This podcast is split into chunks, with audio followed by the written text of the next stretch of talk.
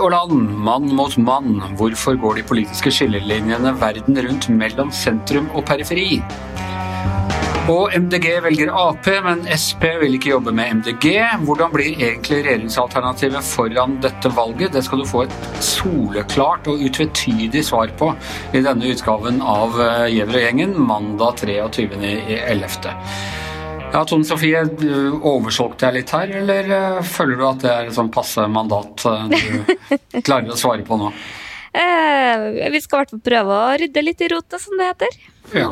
Altså, eh, vi våknet i dag til det som jeg ikke var klar over var noen nyhet, men som er en nyhet, at Miljøpartiet De Grønne de vil velge å støtte en jeg holdt på å si sosialistisk regjering, men altså en eh, samarbeidsregjering på venstresiden i politikken eh, foran stortingsvalget. Det trodde jeg hadde vært klart veldig lenge at de kom. Jeg har liksom ikke sett noe som tyda på noe annet, men det er altså en nyhet, det. ja, det er liksom noen nyheter som er sånn Å, har ikke det allerede skjedd? Vi hadde en sånn i forrige uke med Eh, barnebarnet til Kjell Magne Bondevik, som meldte seg ut av KrF og inn i partiet Sentrum. Jeg tror vel alle liksom tenkte at har ikke det allerede skjedd for lenge siden? Men det skjedde altså, og det at MDG nå tydelig peker på Arbeiderpartiet og SV, det er faktisk en nyhet, for de har jo holdt litt sånn fast på at de er et blokkuavhengig parti. Problemet er liksom at ingen har trodd på det, for de har liksom blitt beskyldt for å være en sånn vannmelon, eh, nemlig grønn utapå, men rød inni, og det er ikke uten grunn heller. for hvis du ser hvem de stemmer sammen med i Stortinget, så er det med SV og Rødt de stemmer, stemmer, mest sammen med. De samarbeider mest på venstresida. Og vi ser også veldig godt at velgerne deres eh, foretrekker andre rød-grønne partier, og de er ikke noe veldig glad i Høyre og Frp. Jeg må bare spørre deg helt kort, hva er det største politiske jordskjelvet? Eh, MDG støtter eh, Arbeiderpartiet, eller barnebarnet til Bondevik har gått inn i partiet Sentrum? det her var to veldig vanskelige eh, spørsmål. Jeg tror i hvert fall at eh, det at eh, MDG går til venstresida, er et mye mindre jordskjelv enn det Knut Arild Hareide prøvde å sette i gang med sitt veivalg, i hvert fall. Jeg tror ikke det blir MDG minutt for minutt. Nei. Hva tror du, Hans Petter? Er Det, kommer dette til å skake opp den politiske kompasset, slik vi kjenner det? Nei, men eh, nei, jeg er like, helt enig med deg. Det var jo verdens minste sjokk å våkne opp til. Men det, du ser jo at det er jo internt i MDG, så er det jo ikke er jo ikke alle som er enig i det her. Altså, det, er jo, det, er jo, et parti som har eh, solgt seg inn på å være blokkuavhengig. og da er jo, Hvis man da såpass, såpass lenge før valget også gifter seg med denne sida, så er jo det der blokkuavhengigheten egentlig litt sånn eh, bare, bare, et ord de bruker. ikke sant? Nå, nå vil jo alle sammen da knytte dem opp mot eh, venstresida, og det er jo litt rart. Hvis du ser f.eks. nedover i Europa, så er en del av de der miljøparti, eller de grønne partiene nedover der er jo reelt blokkuavhengige. De kan jo samarbeide begge veiene. Det snakkes jo nå om når Merkel eh, til slutt nå da går av i Tyskland, så og så er jo De Grønne blitt så stort der, så der snakkes det jo om en sånn uh, storkoalisjon me mellom uh, da, da høy høyresida og De Grønne. så det, er, det er ikke noe gitt at hele den grønnbevegelsen på en måte skal tilhøre venstresida. og da er spørsmålet om det er så lurt av dem å, å være så tydelig som, som da ledelsen uh, er nå. Fordi, Tom Sofie, det er jo også Vi hørte Marit Arnstad var ute og sa at det ikke var aktuelt for dem med noe regjeringssamarbeid hvor MDG inngår, eh, i hvert fall, hvis jeg forsto henne riktig. Eh, og eh, altså, støtte fra MDG, er det en fordel eller en ulempe for Støre slik situasjonen er nå, når han skal prøve å tråkle sammen et alternativ? Ja, han trenger jo de vennene han kan få. Så, men også Støre var jo ute i dag og sa at et regjeringssamarbeid med MDG er fortsatt uh, utelukka. Men, uh, men, det som skjer når de binder seg mer til den rød-grønne masta, er at det er jo enklere å, å få et flertall uh, for, for, et regjeringsskifte. men det er jo litt som, som du antyder, litt sånn komplisert på rød-grønn side òg. For vi ser jo det at MDG de peker på en regjering med SV og Arbeiderpartiet.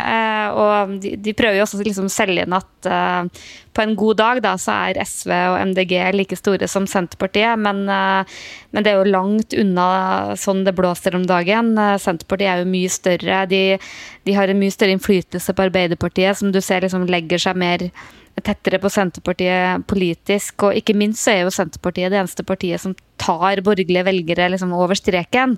Så jeg tror Senterpartiet blir et veldig vanskelig um, parti å komme unna. Eh, og så må det sies da at eh, MDG og Senterpartiet har jo gjort hverandre til litt sånn der hovedmotstandere. Men jeg tror kanskje mye av det handler litt om retorikk og jeg, da. De tjener litt på det, begge to.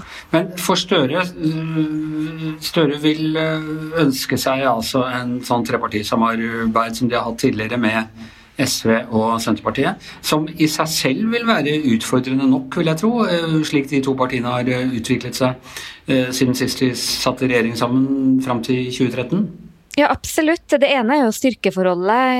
I 2005 så hadde du jo et sterkt Arbeiderparti og to relativt janstore Senterparti og SV. Nå er jo Arbeiderpartiet sterkt svekka. Nå vet vi jo ikke hvordan det vil se ut om et år, men eh, det er da lite som tyder på at de vil bli enormt svære, i hvert fall. Og så har du et Senterparti som er utrolig mye mer, mye mer sterkt og sjølsikkert, men også politisk så har SV og Senterpartiet vokst veldig fra hverandre. hvor SV har på en måte spissa seg mye mer til å bli et uh, parti som er opptatt av uh, forskjeller, uh, velferd, klima.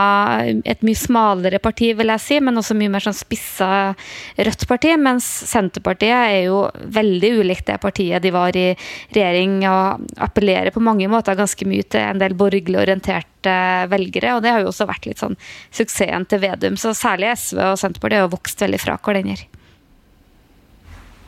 Og hvis vi ser på de litt nye uh, skillelinjene her, så vi liksom glemmer litt den der uh, borgerlige sosialistblokka. Men Hans Petter, du skrev en, en kommentar uh, i VG i går, altså på, på søndag. 'By og land er som ild og vann'.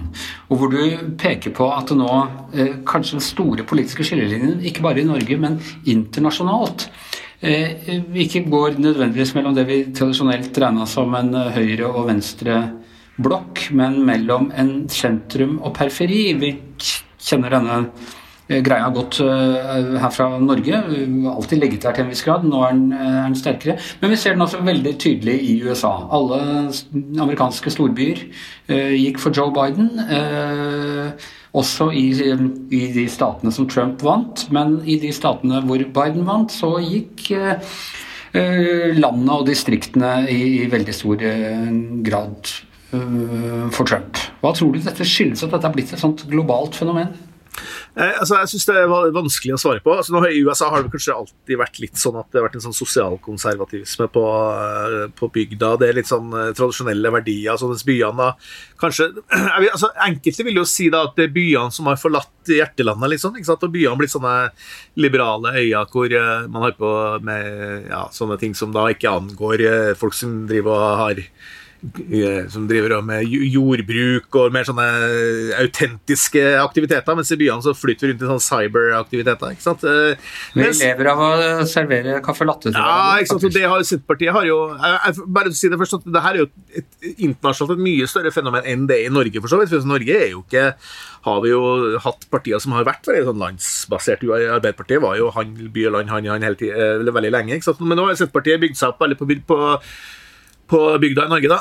Så jeg syns det er litt synd hvis, hvis, de liksom fått det samme utviklinga i Norge, altså at Senterpartiet har blitt liksom distriktenes parti, mens resten har vært bypartiene. fordi det har jo også blitt med på, på å begrense skal vi si, meningsmangfoldet på bygda også. Det, altså, Norge er jo et helt annet system enn de der binære landene hvor du har to store partier. Vi har jo masse partier, så det vil jo være helt annerledes i Norge uansett. da. Men, men altså, det å være på bygda jeg skulle høre Øyvind Strømmen fra Miljøpartiet De Grønne siden vi om dem i sted. Han skrev et innlegg i VG her for en, en måneds tid siden hvor han skrev at han syntes at Vedums retorikk med at byen var sånn og sånn og bygda var sånn og sånn, var veldig sånn begrensende på han som bygdemann. Da. Han bor i, i, på Vestlandet, en liten bygd der. og og det er nok noe i det der. da, jeg synes at liksom, hvis, du, hvis, du, bygger opp en sånn klar motsetning at sånn er den byen og sånn er den bygda, så, så begrenser du på en måte mye mer enn du begrenser debatten mer enn du åpner den. Hva tror du sånn, Sofie? Om, om dette, er dette et reelt skille, eller er det mer sånn et retorikkskille akkurat nå? Jeg tror at det er, det er en blanding. Jeg, jeg, tror i hvert fall at en del har uh, nytte av å, av å, forsterke de uh, skillelinjene. Og det distriktsopprøret som vi har eller har hatt, det er jo et uttrykk for uh, for en del politiske prosesser som mange opplever at i sum går feil vei for distriktene. Men jeg, jeg også reagerer på hvordan en del av distriktene blir framstilt. Det blir jo nesten uh, framstilt som en sånn jammerdal hvor folk har det forferdelig og, og, og, ingen vil bo, og man tar fra dem alle tjenester. Og det stemmer veldig dårlig med hvordan jeg opplever, opplever det. og ser jo bare liksom når jeg er hjemme, så veldig mange unge som uh, Folk har god økonomi, folk tjener bra, men det er jo selvfølgelig mye mindre jobber å, å velge i. Unge folk har, uh, bygger seg svære hus, uh, lever gode liv. Så, så det, er, jo ganske store forskjeller i det. ikke sant? Mens boligverdien gjør jo at du også at du fort blir liksom låst til stedet du bor, får ikke samme verdi. Så det er jo en del sånn eh, åpenbare forskjeller, men, eh, men, eh, det overdrives veldig, da. Og jeg bare merka bare sist jeg var hjemme, så fikk jeg liksom servert eh, vegetargryte på forsamlingshuset, og det viser jo liksom litt at eh, Nei, nei, nei! Har vegetarismen kommet helt ut i landet? Det er forferdelig å høre. Og det ville aldri for, liksom for ti år siden, eller bare fem år siden, så ville folk liksom rista på hodet og tenkt at det her går ikke an. Så.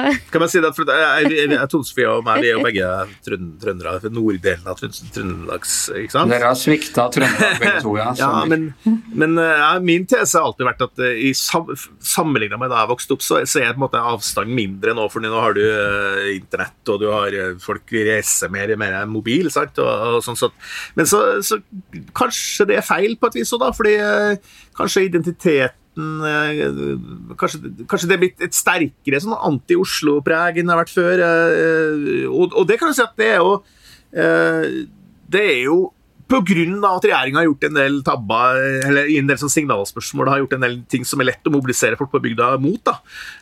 Men, men det, er jo, det er jo ikke noe tvil om at det er jo når man snakker liksom at bygda er liksom folket og byen er eliten, så er det jo elita i byene også som driver og jazzer opp de store forskjellene mellom eh, by og bygd. og det ser Vi jo, vi ser det i Norge, selvfølgelig. Mange sånne Oslo-baserte redaktører og, og sånn som driver og, og, forteller oss hvor forferdelig var en som skrev i dag at de bygda gråter blod og sånn. Det er ganske sterke ord, da. Men internasjonalt så er det jo ikke noen tvil om at sånn type Erdogan i Tyrkia, for eksempel, som skal dra virkelig de store linjene her, da. Han er jo fra Istanbul sjøl, men han jo altså, har jo sin base på bygda og forteller jo Bygger jo en historie hele tida om at i byene der er de liksom fri, frikobla det ordentlige, autentiske livet, og det er bare kosmopolitter og, og, og liksom eh, er styrt I Ungarn ville de sikkert sagt at de er styrt av Soros, og det har vel noe altså, Giuliani tatt opp i USA også, at det er, sånn, det er en slags sånn internasjonal internasjonal en slags konspirasjon da, som, skal, som byene har løftet byene ut av nasjonen. Og, og, og, vi må jo ikke havne der, for det er så dumt, eh, hele det konseptet der. Det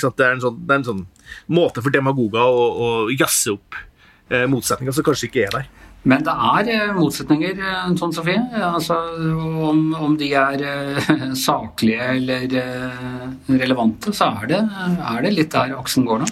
Ja, Det er jo bare å se på meningsmålingene. Det at eh, det er på sentrum-periferidimensjonen man virkelig mobiliserer om dagen. Og, og, det ene partiet etter det andre tar jo på en måte å kopiere litt uh, Senterpartiets suksess. Uh, men det, det, handler jo ikke bare om by mot land. Det blir jo også en veldig sånn såkalt elite eh, mot folk. mange sånne spørsmål som eh, legger seg litt sånn Du har liksom DAB-radio, du har beholde litt sånn eh, motstand mot digitalisering og en del sånne ting som går liksom inn i, inn i eh, det samme skjemaet, da. Også, men, men, noen ting som jeg mener er ganske reelt, det er også hvordan man skal løse en del av klimautfordringene. For det husker jeg når jeg flytta til Oslo og hørte hvordan en del av mine nye sambygdinger snakker om bil på, f.eks. Som et uh, eneste stort problem og et dieselsluk, og nå må folk skjerpe seg og er noe så barnslig som å protestere mot bompenger. Det er liksom det verste folk har hørt.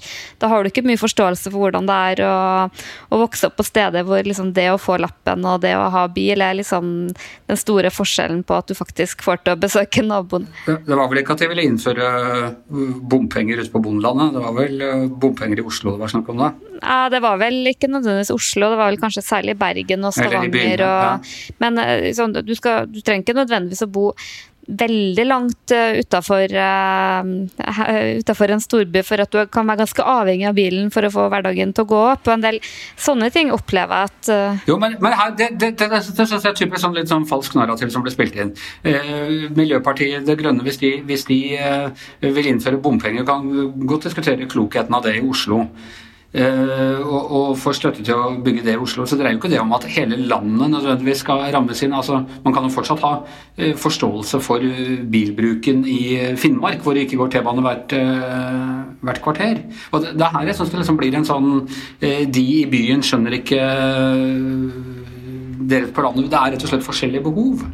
Absolutt, og det er det jeg syns mange ganger at den politiske debatten ikke tar helt høyde for. At det som eh, fungerer bra i sentrale deler av Oslo f.eks., ikke fungerer godt. Eh, og du trenger ikke nødvendigvis sånn helt i Finnmark heller for å se at virkeligheten ser veldig forskjellig ut. Men det er jo akkurat på samme måte som eh, noe av det dummeste jeg hører, er når sånn Senterpartifolk og andre driver og latterliggjør elsykler og elsparkesykler og alt det der. De, de må jo være sjeleglade for at folk i byen holder på med det der.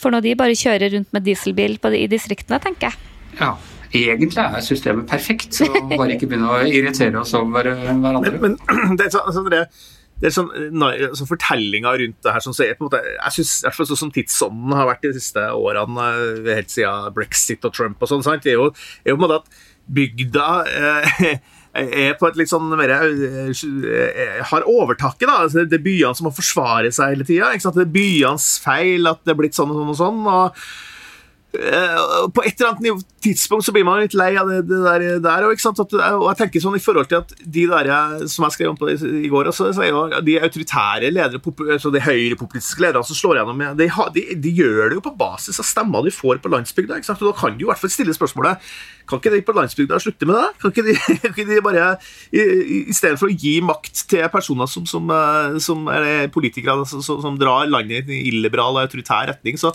så, så, har de noe å lære av den åpenheten og frisinnheten og, og, lib, den liberale tilnærminga som finnes i byene. Altså, det er jo ikke, ja, jeg, jeg, jeg, skjønner jo På et eller annet nivå så må vi måte, balansere den fortellinga at, at, det ikke bare er de såkalte uh, somewheres som er de, de skikkelige folka, mens de anywheres er de som flyter rundt.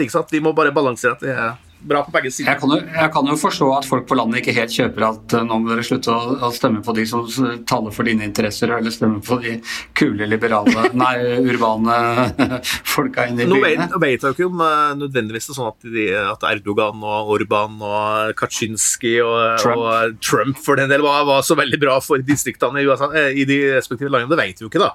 Men det er i hvert fall, jeg synes bare at diskusjonen om de tingene her, sånn, så jeg, På 90-tallet, da jeg ble i mine formative år, så var det liksom, da var byen alt. ikke sant? Da var det sånn Erling Fossen og sånne som, som, dominerte. på en måte, og Da var bygda passé og sånne ting. ikke sant? Men, og så snudde det på et tidspunkt. da, ikke sant? Da, da, men, men jeg vil tror nok at vi i Norge, som er en sånn by-land hand i hand-fortelling som har vært så, stått så sterkt i Norge siden 30-tallet Vi må tilbake til en sånn ja, med en jevnbyrdig fortelling der, syns jeg. Og, det er klart det både, både handler om realpolitikk, det handler om, uh, om, retorikk, men det handler også om, handler om ideologi. Det handler, altså, det handler om altså, diskusjoner vi snakker om politikk på. da. Men jeg tror eh, Hans Petter har rett i at det går veldig i bølger. For det er ikke veldig mange år siden det var liksom bygda var liksom herja med bygdedyr og elendighet. og ja, F.eks. Erling Fossen kunne liksom med stor frimodighet stå der og snakke om at folk på bygda de tenkte saktere og det gikk litt saktere. og de var på en måte ikke smarte nok, var liksom litt det inntrykket man fikk. I dag så har liksom det narrativet snudd veldig. og